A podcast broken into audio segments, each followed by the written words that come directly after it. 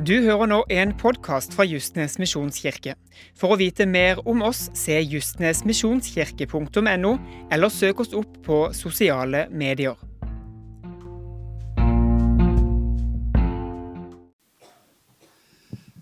Kjære Justnes eh, misjonskirke. Gratulerer med ti år. Jeg heter altså Stein Bjørkholt, menighetsrådgiver i Misjonskirka Norge. Ehm, og det hender jo at jeg er rundt og besøker eh, forskjellige menigheter. Og i dag var det en veldig stor glede å få lov å komme hit. Jeg har vært her før. Noen ganger. eh, Jeg husker ikke helt når sist gang var, men kanskje det var på innsettelsen din, eh, Jonny. Det kan være. Det er noen år siden allerede, det òg. Så tida går. Jeg skal hilse så mye fra Siri Iversen, generalsekretær.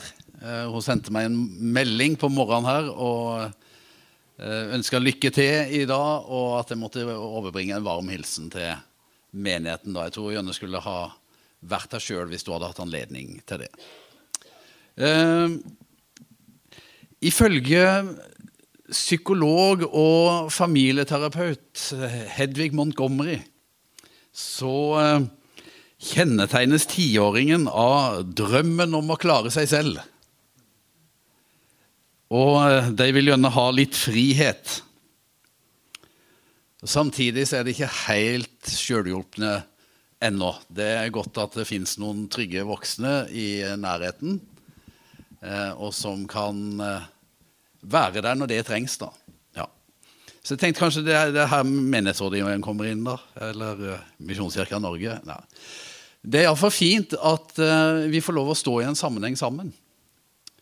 Eh, det er fint at menigheten får vokse opp, at den liksom står på egne bein og eh, på mange måter skal få lov å leve sitt, eh, sitt eget liv. Men så er det også fint at vi tilhører en sammenheng og har ja, noen å støtte oss til.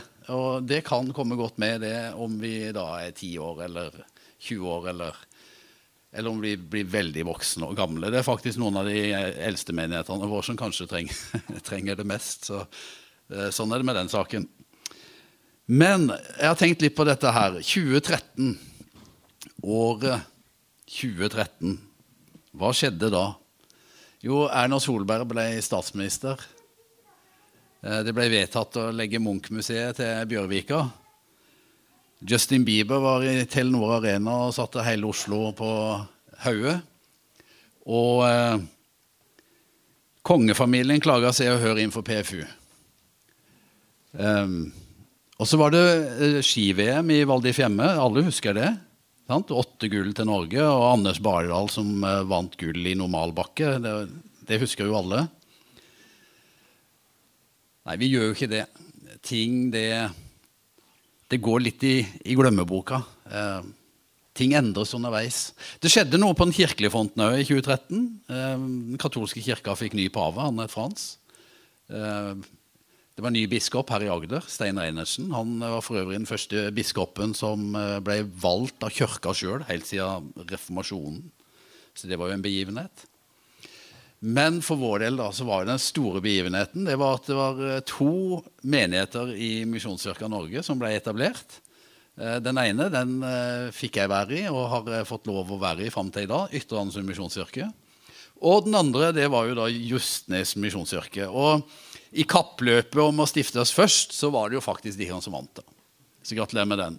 I februar 2013. Vi var da eh, litt kjappere ute med å feire tiårsjubileet, for det gjorde vi på datoen vår, i 5. mars i, eh, i vår. Så der fikk dere den. Men, eh, men ok. Jeg ser i menigheten hos oss og i bydelen der jeg bor, at noen ting har skjedd da, siden 2013. Det har det òg her på Justnes. Jeg tror befolkningen i bydelen her er nesten dobla. Det er iallfall ikke langt unna. Noe sånt fra liksom 2500 til kanskje 4500 innbyggere. eller noe sånt. Det er en ganske eh, voldsom endring. Eh, det er jo sånn at De eh, ungene som eh, ennå ikke hadde begynt på skolen eh, den gangen når de stifta menigheten, her, de har nå stått konfirmasjon. Eh, det er jo en endring. Eh, og Roy Elling Foss han kommer langt opp i 50-åra. Eh, så Neste jubileum så kan han jo gått av med AFP, for alt vi vet. Så ennå, slik vi kjenner han, så skjer vel eh, neppe det, da. Men eh, Jeg leste en artikkel fra 2013 der det sto eh, sånn som det her. Det var, at i 2013 da, så sto det oppsummert Færre mennesker dør i ung alder, og flere lever lenger. Færre mennesker lever i ekstrem fattigdom, og verdens befolkning blir lykkeligere. Det er færre og færre kriger, og de er mindre dødelige. Mordratene og annen kriminalitet er i fritt fall. Og det er mindre rasisme, sexisme og andre former for diskriminering i verden. Framtidsutsiktene var på mange måter ganske lyse i 2013. Og så eh, spør jeg åssen vil en lignende artikkel ha sett ut i dag? Jeg tror at vi befinner oss i en litt annen tid. En litt annen verden enn det vi gjorde den gangen. Det er mange ting som har skjedd eh, siden menigheten her ble planta. Økonomien opplever mange er mer usikker. Det er flere krigere enn det var for eh, noen få år siden. Flere dør. Polariseringa i samfunnet synes å øke. Naturen er ulage, osv. Jeg kunne ramse opp. Det er akkurat som jeg aner at eh, der har skjedd et stemningsskifte.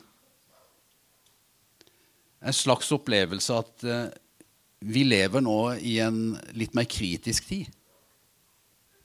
Det er et annet alvor over tida vår, over året 2023, enn det kanskje var i 2013. Og så jeg tenkte på det, Hva vil vi si da rent sånn eh, kirkelig sett, eller fra et kirkelig ståsted? Åssen er liksom stemninga i samfunnet nå når det kommer til kristen tro? da? Opplever vi et stemningsskifte her? Um, og hva vil vi si om eh, kirka vår? Hvilke endringer har egentlig funnet sted i kirka vår? og uh, Ser det like lyst ut som i 2013? Og ja, vil vel noen tenke, tenke og for Justenes misjonsside fikk vi ikke nettopp fem millioner kroner, liksom. Uh, det, har, det, har, vi jo lest i avisa. Um, til nytt kirkebygg. Engasjementet virker å være bra. og Er vi ikke flere mennesker og har bedre økonomi enn noen gang før, kanskje? Men enda viktigere, da Jeg kan ikke stille spørsmål om vi var med oss sjøl. Åssen ser det ut? Oppleves kanskje 2023 litt mer krevende enn 2013? For noen kanskje. Um, hva om vi tenker på troslivet vårt? Oppleves det annerledes å være kristen? Å stå for det vi tror på, nå i dag, enn det gjorde for ti år siden? Eller kanskje enda litt lenger tilbake? Og Åssen virker de ytre omstendighetene på meg? Hva skjer med meg, med min familie? Hva gjør denne tida med mitt eget indre liv? Og sånn så kunne jeg fortsette å stille spørsmål etter spørsmål, kanskje. For å dra dette nå inn mot det som jeg vil bruke som eh, teksten i dag, så har jeg rett og slett valgt å lande ned på søndagens tekst. Det er jo sånn I, Den norske kirke og noen andre kirkesamfunn så følger jeg noen sånne tekstrekker. Og den teksten som eh, vi finner eh, for denne søndagen, da, den står i Johannesevangeliet kapittel 6. Eh, Johannes, Johannes 6 er jo det lengste kapitlet i, i Johannes-evangeliet. Inneholder ganske mye. og Det handler bl.a. om dette her brødunderet som fant sted på østsida av Genesasjøen.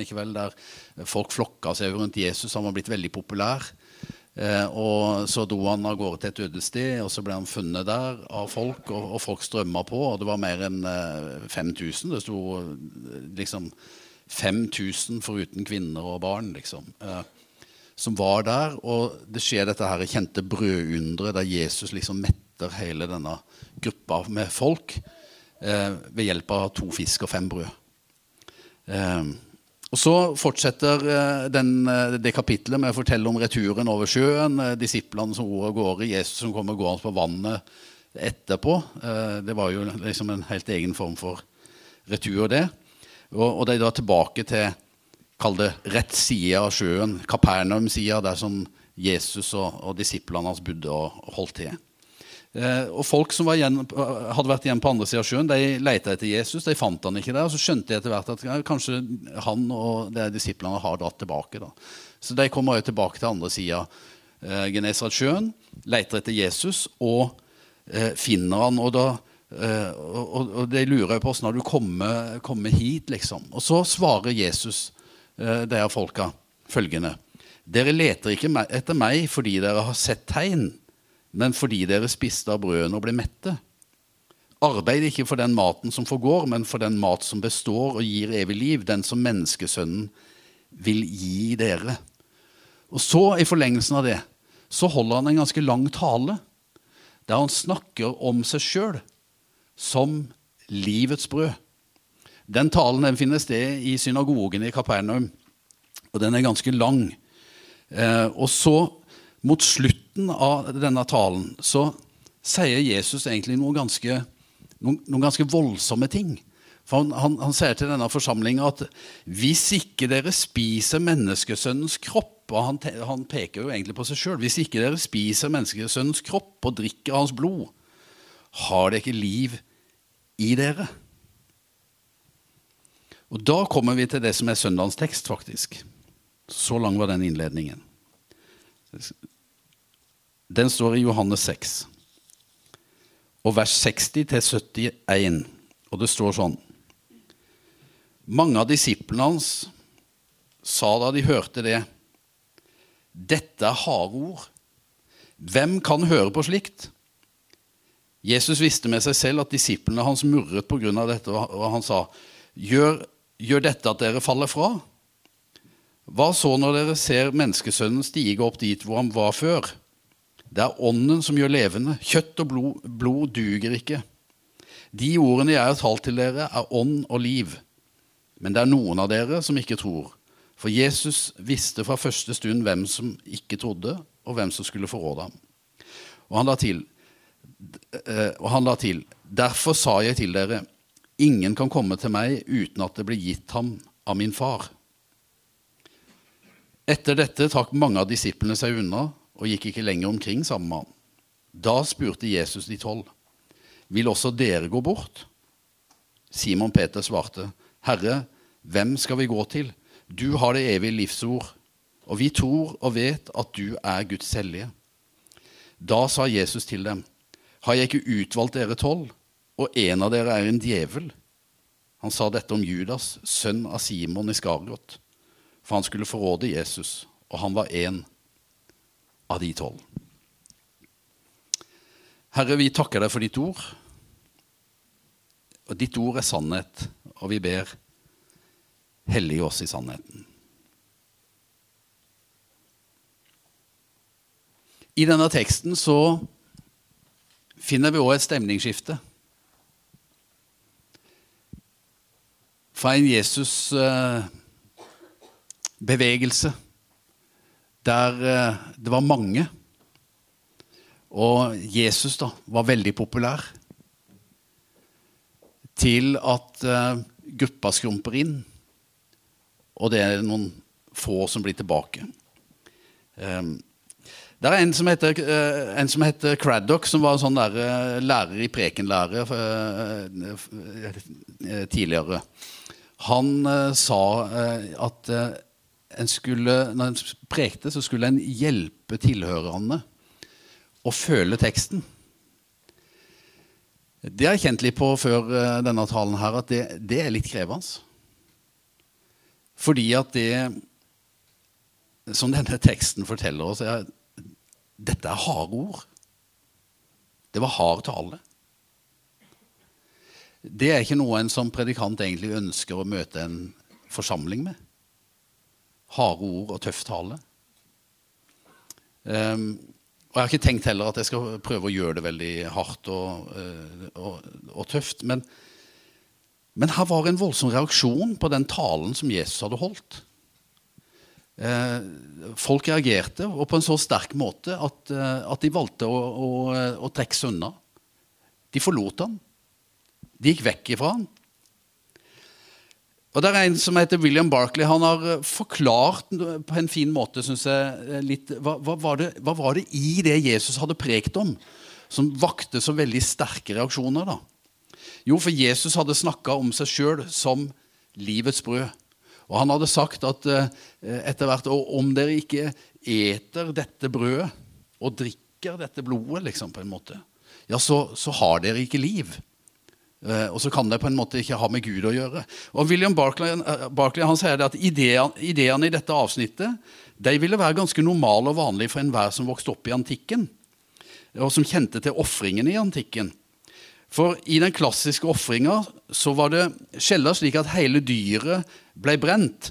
Vanligvis så var det bare en del av det som ble ofra, selv om hele dyret sånn sett var på en måte ofra til guden eller gitt til guden. så var det bare en del av det som ble brent. Noe av kjøttet det ble gitt til prestene som en slags sånn biinntekt. Og noe av kjøttet det ble gitt til den som ofra, for at han skulle stelle i stand fest for seg og sine venner innenfor tempelområdet. Og Ved denne festen så var det sjølsagt at guden sjøl ville være gjest.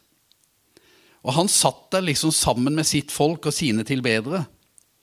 Og Dessuten så ble det hevda at så snart kjøttet var blitt ofra til guden, så hadde han sjøl tatt bolig i kjøttet. Så den, da den som ofra, åt kjøttet, så åt han òg bokstavelig talt guden. Og han tok altså opp i seg guden i, eller tok guden opp i seg i sitt innerste vesen. da, Og fikk næring av Gudens liv og styrke. Sånn at når de så reiste seg for et slikt måltid og gikk ut, så mente en at en var blitt gudsfylt, eller hadde fått gudslivet i seg. Dette er noe av bakteppet og noe av det bildet som datidens folk hadde med seg i møte med denne forkynnelsen de da hadde hørt av Jesus. Og mange velger å trekke seg unna. Tenkte, hvem var de som trakk seg unna? Jo, kanskje var det noen av de som hadde blitt fascinert av Jesus eller det, kristne, eller det her miljøet rundt Jesus. Eh, kanskje var det de som var der fordi alle andre var der, eller de hadde likt deler av undervisningen hans. Eller de søkte undra som han gjorde, helbredelsene. Men en som antyda at han var det der kjøttstykket som skulle ofres til Gud. Ja, et kjøttstykke som Gud sjøl har tatt bolig for at menneskene gjennom det skulle få soning for sine synder og del i guddommelig liv. Nei takk. Æsj. Motbydelig. Grusomt. Framgang og liv. God helse og fulle matkorver. Ja takk. Men offer, lidelse og død? Nei takk. Og at han i tillegg da ville at jeg skulle tro på han og lyde han, Nei, da fantes det grenser for langt de var villige til å følge han. En av de som trakk seg unna, eh, riktignok ikke fysisk, men vi aner at han trakk seg unna følelsesmessig og relasjonelt, det var jo Judas. Og Kanskje var han blitt skuffa allerede før Jesus holdt denne talen om at han var livets brød. fordi det står at galileerne forsøkte å føre Jesus bort og gjøre han til konge. Men det tillot ikke Jesus.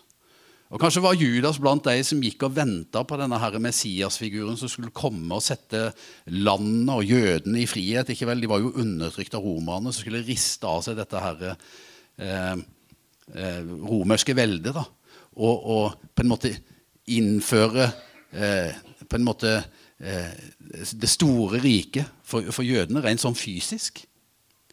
Og så er det akkurat som at kanskje at han aner mer og mer og forstår mer og mer. Men, men det rike Jesus snakker om, er jo det er totalt annerledes. Det er jo ikke det han har tenkt å gjøre. Han går ikke og snakker om å innta tronen og gjøre det med sverd, eller noe sånt, men, men han, her er det snakk om offer. Om lidelse og død. Hva er dette for noe? Han ble skuffa, trakk seg unna.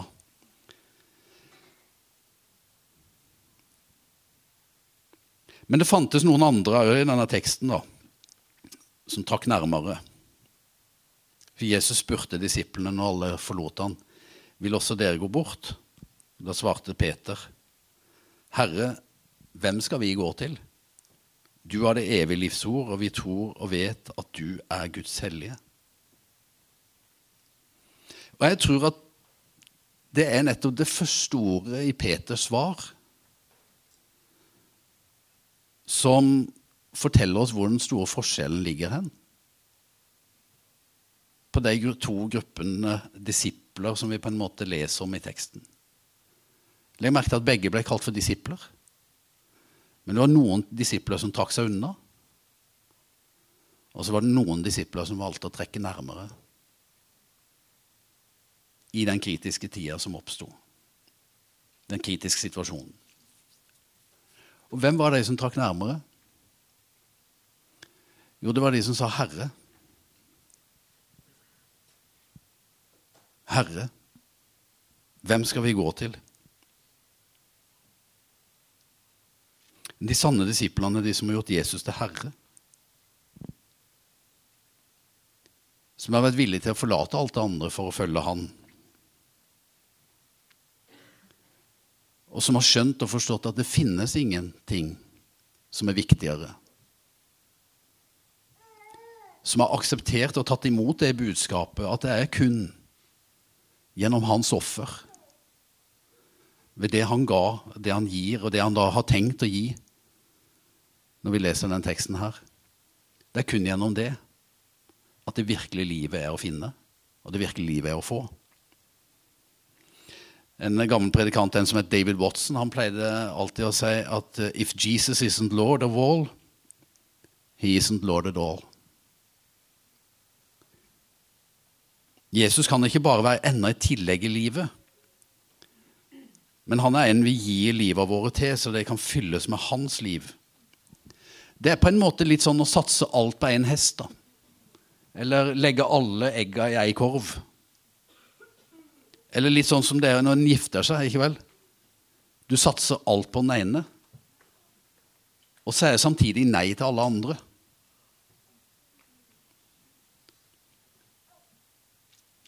Er blant de som er sånn eh, over snittet glad i, eh, i bøker. Eh, og, men særlig da sånn, det vi kaller faglitteratur eller eh, teologi. Eh, og, men bøkene mine de kan du dele inn i to hovedkategorier. Det er de jeg har lest, og de jeg ikke har lest. Uh, og det fins en del av, av, av, begge deler. Um, og det er jo de bøkene jeg har lest, som har gjort noe med meg, og som har blitt av betydning for meg. Ikke de som står der i hylla. Men de bøkene som jeg har tatt ut av den hylla, og som jeg har lest, de har på sett og vis blitt del av meg. De har fått prege mine tanker, mine holdninger. Kanskje hvordan jeg gjør ting. Ja, i det hele tatt åssen jeg lever. Sånn har det blitt med noen av de bøkene. Mens de som bare har stått der i hylla, har aldri fått den funksjonen. Og jeg tror at vi I den teksten vi leste, så møter vi to sånne ulike typer disipler. da. Eh, der den ene har, er av de som på en måte har hatt, hatt denne boka i, i, hylla. Den har blitt stående der. Mens noen andre de har faktisk valgt å ta den ut. Ikke bare ta den ut, men lese den. Og la den bli en del av de sjøl. Altså, det er det Jesus utfordrer oss på, inviterer oss til. Han vil inn i livet våre. Han vil ikke bare være en som vi eh, eh, tenker på eller ser på eller har der ute i randsonen. Men han vil fylle livet våre med seg sjøl. Som jeg nevnte innledningsvis altså, jeg, og, og, nå kommer jeg kanskje til det som er det, det viktigste punktet her for meg i dag. det er at Jeg tror at vi befinner oss i en noe mer kritisk tid enn vi gjorde for ti år siden. På en måte noe mer eh, kall det også alvorlig tid. Det er en tid der vi opplever at alt koster litt mer. Og Da tenker jeg ikke bare på strømmen og huslånet eller liksom økonomien. Men, men jeg tror vi kan oppleve det også politisk, etisk og religiøst. Og Det virker som at det blir på en måte tydeligere skiller i samfunnet. Men det virker også som at det blir tydeligere for mange av oss hva, som, hva vi egentlig syns er viktig. Sånn er det jo òg i privatøkonomien. Liksom. Det må prioritere. Så det, det, det viktige får komme først, og så er det andre uviktige ting som får, som får vike. Men det er jo ei tid da med Kall det behov for uh, virksomhet, behov for litt hardere prioriteringer. Og det er her jeg tenker at vi som troende òg i vår tid kanskje står overfor nettopp et litt tydeligere valg. Det var godt å komme ut her, for nå så jeg det kan bære. Jeg et eller annet lys midt i fleisen. Um, det er denne bevegelsen. Er vi av de som trekker seg unna? Eller er vi av de som trekker nærmere? Jeg tror nemlig at til forskjell fra 2013 så jeg egentlig alle har trua på det. Men det virker som at i en del år så funka det ganske bra med underholdningskristendom. Og vi klarte oss ganske greit med hobbykristendom.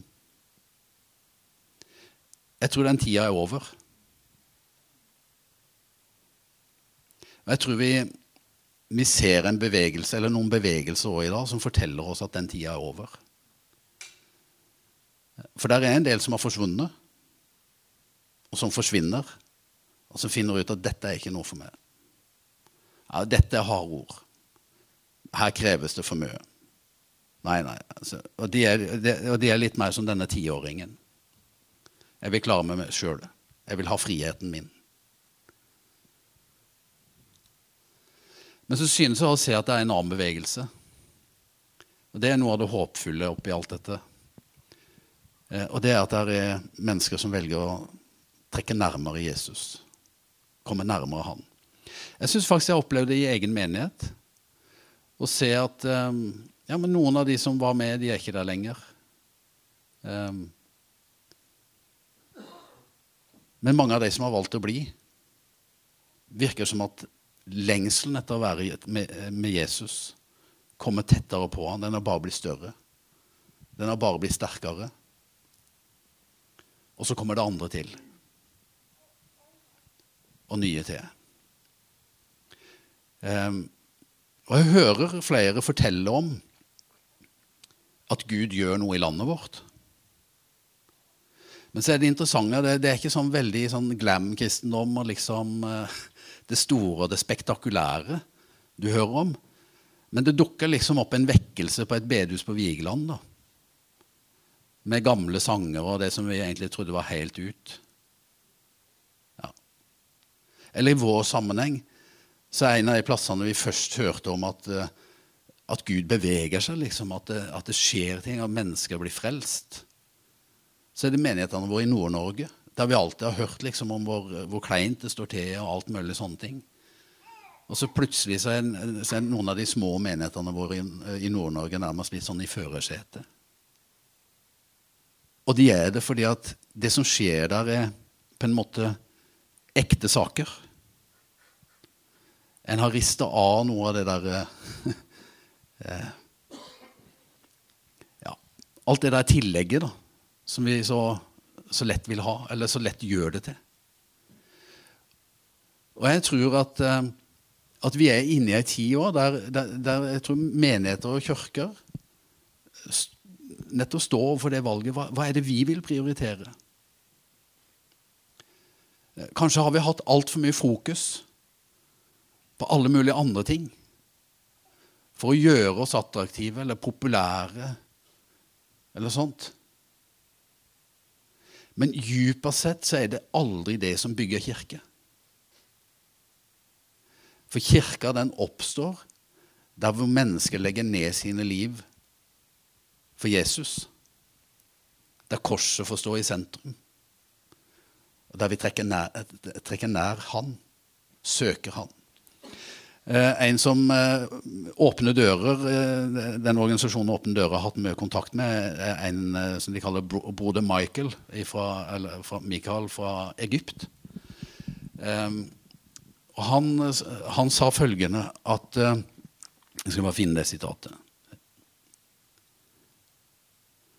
Persecution and pressure are bringing the church back to her roots. She prays because she has nothing else, nowhere else to go. Det er noe med de litt kalde, mer krevende tidene som, eh, som får fram noe av det her som er mest grunnleggende og elementære i oss. Jeg hørte et sånt motto fra Navy Seals eller noe sånt som de, de pleide å si som så at de her elitesoldatene i USA ikke vel, som pleide å si at uh, You don't rise to, to, the occasion. You sink to the level of your training. Altså det, det du har på en måte har gjort til vane, det er vil, det er der du vil lande, og det er der du, det er der du vil være når det, blir, når det blir litt tøffere eller litt mer krevende, når, når du presses. Og for, og for den sanne kirken så er det ingenting mer naturlig når presset og utfordringene og usikre og alt det møter, møter oss, enn å søke nær til Jesus. Trenge seg på ham, klynge seg til ham. Gjøre seg totalt avhengig av ham. Og dette her var, ble egentlig en litt sånn rar eh, tiårsjubileumstale. Eh, for eh, normalt tenker jeg det må jo være litt sånn opp og fram og heia og, og alt sånt. Men, men, jeg valgte likevel å stoppe opp ved det. Og jeg vil spørre liksom, spørre de kan òg, da. Hva slags kirke skal Justnes misjonskirke være nå? I denne tida? Og i de åra som nå ligger foran? hva, er, hva, hva, skal være viktig for dere? Og hva skal være det som kjennetegner dere, og som, som er det dere gir til folket og menneskene rundt dere? Er det liksom god underholdning og liksom skikkelig proffe saker og alt dette her? Eller er det de orda som er ånd og liv? Det som folk virkelig kan bygge livet sine på når det røyner på. Der ligger noe av min utfordring til dere i dag. Ehm,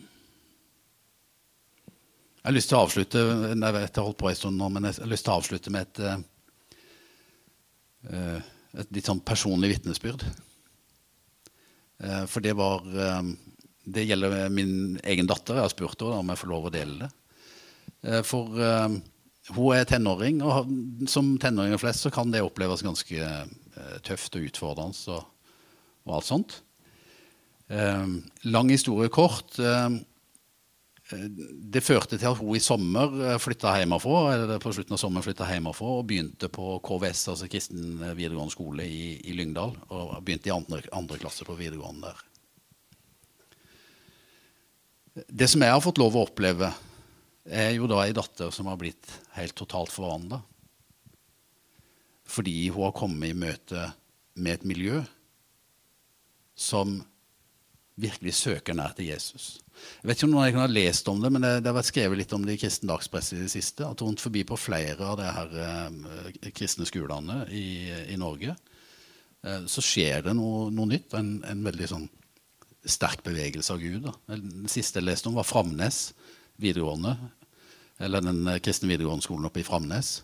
Eh, der det er mange som søker til Gud, og, og, og, unge mennesker. Som, altså, de søker? De søker til bønnemøtene. Og Det samme borte, på, eh, borte i, i, Lyngdal. da. og Så kommer hun dattera vår hjem denne veka her, og så har vi en veldig god prat her bare for et par dager siden. vi var ute og kjørte sammen, og så forteller hun meg pappa, jeg tror egentlig jeg har levd veldig mye på på deres tro. Det er mamma. Men nå har jeg fått oppleve det sjøl. Og så sa hun noe som jeg syns var veldig interessant. Det er at eh, nå, er ikke, nå, er jeg ikke, så redd for om noe skulle rakne. For alt rakner ikke likevel. Vi har fått en trygghet i bunnen som gjør at ja, det er ikke så farlig hva som måtte skje, eller hva som måtte komme. da. Og Det er det siste jeg har lyst til å si til deg. At uh,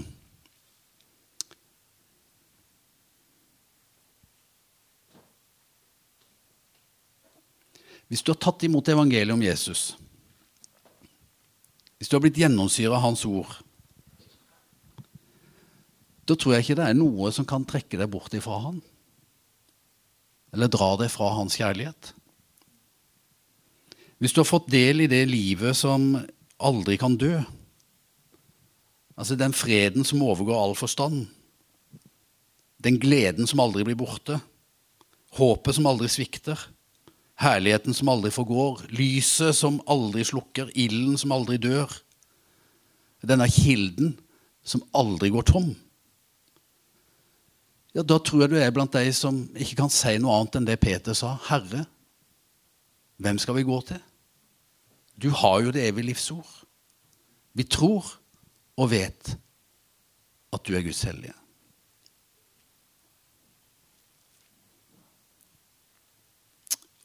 Amen. Det siste jeg har lyst til å gjøre eh, Jeg håper ikke dette ble for harde ord for det, men eh, eh, litt sånn alvor over det. Men la deg utfordre det, og spør hvilken bevegelse vil jeg ha i mitt liv? Og så har jeg lyst til å gjøre en ting til slutt. fordi at det, det, det, det sømmer seg når en kommer på besøk til et sånn jubileum, at en har med seg noe. Og det har jeg. Jeg har lyst til å be de som er ansatt, om å komme fram. For det er noen av dere her som er ansatt i kirka. Og kanskje noen av dere som er i lederskapet. De som sitter i styret eller lederskap. Det er noen av dere her òg. Kan dere komme fram? Um, og så er det litt sånn at jeg har ikke liksom, kjøpt noe som jeg kan gi til, til alle, alle, i hele kirka. Så nå får de stå her litt som sånn representanter da, for Justnes misjonskirke. Um, og så håper jeg at det kan den lille tingen jeg kan få lov å gi dem, kan få lov å være en uh, liten sånn uh, profetisk handling. Uh, om der de som misjonskirke ønsker å være nå i tida framover. Um, så derfor så har jeg kjøpt vers sine sånne gripekors.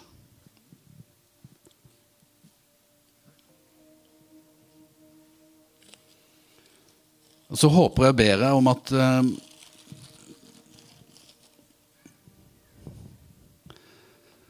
At de kan bære det med de kan. Det går an å ha i lomma. At vi kan minne, minne de om på at uh, det er ingenting som er viktigere for oss enn å trekke nær til Jesus. Holde oss til Han klynge oss til korset, stole helt og fullt på Han, den Han er for oss. Det er fint med fem millioner i banken, men det, det er ingenting, altså. Jesus er en vi kan bygge livet vårt på. Og han er den eneste vi kan bygge kirka på. Um, så Jesus nå har lyst til å be for Justnes misjonskirke. Jeg har lyst til å takke deg for denne kirka, for de ti åra de har hatt. Jeg har lyst til å takke deg for din trofasthet. Og for at det verket som du har starta her, det vil du fullføre. Men så bare ber vi òg, Herre, at, eh, at du må hjelpe oss. Du må hjelpe den enkelte her. Ber særlig for lederskapet, for de ansatte. At om det er noe de skal få lov å lede an i, så er det denne bevegelsen inn til deg, Jesus. Og trekke nær til deg. Vise andre hvem du er, Herre. Jeg ber Jesus om at jeg må få lov å gjennomsyre hele denne forsamlinga. At den er prega av dette at eh, vår største appetitt, Herre, det er ikke på kaker og kaffe og, eller alle mulige andre ting, men vår største appetitt, Herre, det er det. Vi vil ha mer av det, Jesus. Vi vil ha mer av det livet som du har å, å gi. Det er deg vi søker til, Herre. Du er vårt håp. Du er vårt eneste håp. Du er alt det som er verdt å bygge livet på, og bygge menigheten på. Og Herre, derfor så har jeg lyst til gjennom denne handlingen nå på en måte bare gi menigheten til deg på nytt igjen. Den er din, Herre. Det er det vi tilhører, det er det vi vil tjene. Jesus Kristus. Mm. Mm. Vi kan godt reise oss, eller de som er der oppe. Så vil Frode og de lede oss i tilbedelse. Eh, og jeg syns det var så fint, for det står et kors her framme. Jeg vet at de pleier å ha forbønnshandlingene eh, bak. Men jeg hadde litt lyst til akkurat i dag at eh, hvis du ønsker at vi skal be for det, så kan du eh, få lov å komme og stille deg her borte ved korset. Jeg har jo lyst til å invitere noen av dere til å stoppe igjen ved korset her. Og gjennom det være med å symbolisere at det er der vi ønsker å være. Det er en sånn menighet vi ønsker å ha. Med korset i sentrum. Med Jesus som det sentrale. Det er han som samler oss, og det er han vi bygger alt på. Og Hvis du kjenner for at eh, Ja, men i dag så Så tror jeg rent sånn aktivt òg, så skal jeg gjøre en sånn bevegelse. Mot Jesus, mot korset. Så kan du jo få lov å komme. Og så trenger ikke det å være den måten alle skal respondere på. Ikke i det hele tatt. Jeg tror det finnes mange ulike måter å forholde seg til det som har vært forkynt på, og ta det inn. Men for noen så kan det være en, en fin ting. Så da er du frimodig å gjøre det. Vet du, Vi har gått litt over tida nå, men det, det tåler vi. Ja. Da leder jeg han også. Så kan du komme hvis du ønsker.